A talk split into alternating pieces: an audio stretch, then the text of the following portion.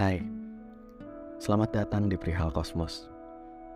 Namaku Altaf Alka, dan dalam siniar ini, aku bakal menyuarakan tulisan-tulisan yang aku buat.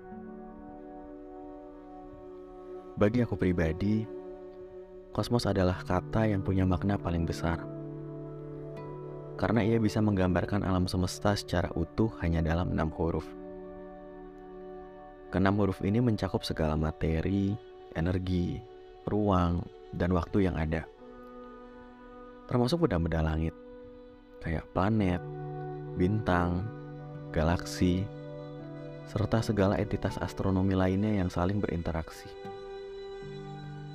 Kosmos atau kosmologi juga diartikan sebagai studi tentang alam semesta, yang mencoba untuk memahami asal-usul, struktur, evolusi, dan keberadaan alam semesta secara keseluruhan.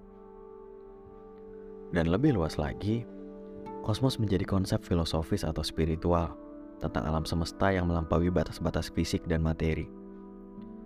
Mencakup dimensi yang lebih dalam atau makna yang lebih luas.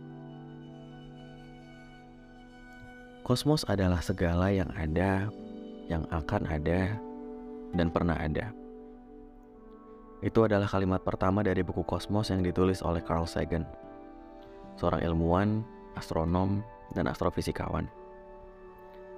Dia jadi salah satu penulis ilmiah yang terkenal karena kemampuannya yang luar biasa dalam menyajikan informasi ilmiah dengan bahasa yang sederhana tapi mendalam dan indah. Dan sebagai seseorang yang memiliki minat terhadap sains dan sastra, Kosmos jadi inspirasi buat nama siniar ini. Aku bukan orang yang tahu banyak soal astronomi dan keantariksaan. Jadi siniar ini bukan siniar astronomi. Tapi aku pengen mengaitkan kosmos sama pemikiran seorang manusia.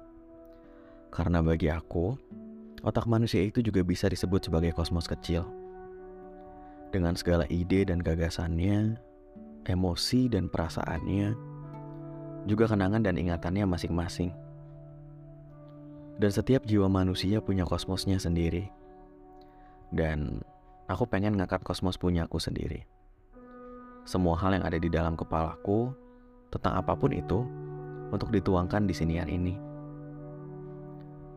Jadi perihal kosmos artinya tentang segalanya. Tentang segala perasaan yang ada, akan ada, dan pernah ada. Aku harap aku gak terlalu banyak ngomong ya. Mari kita mulai dan sampai ketemu di episode berikutnya. Terima kasih dan selamat mendengarkan.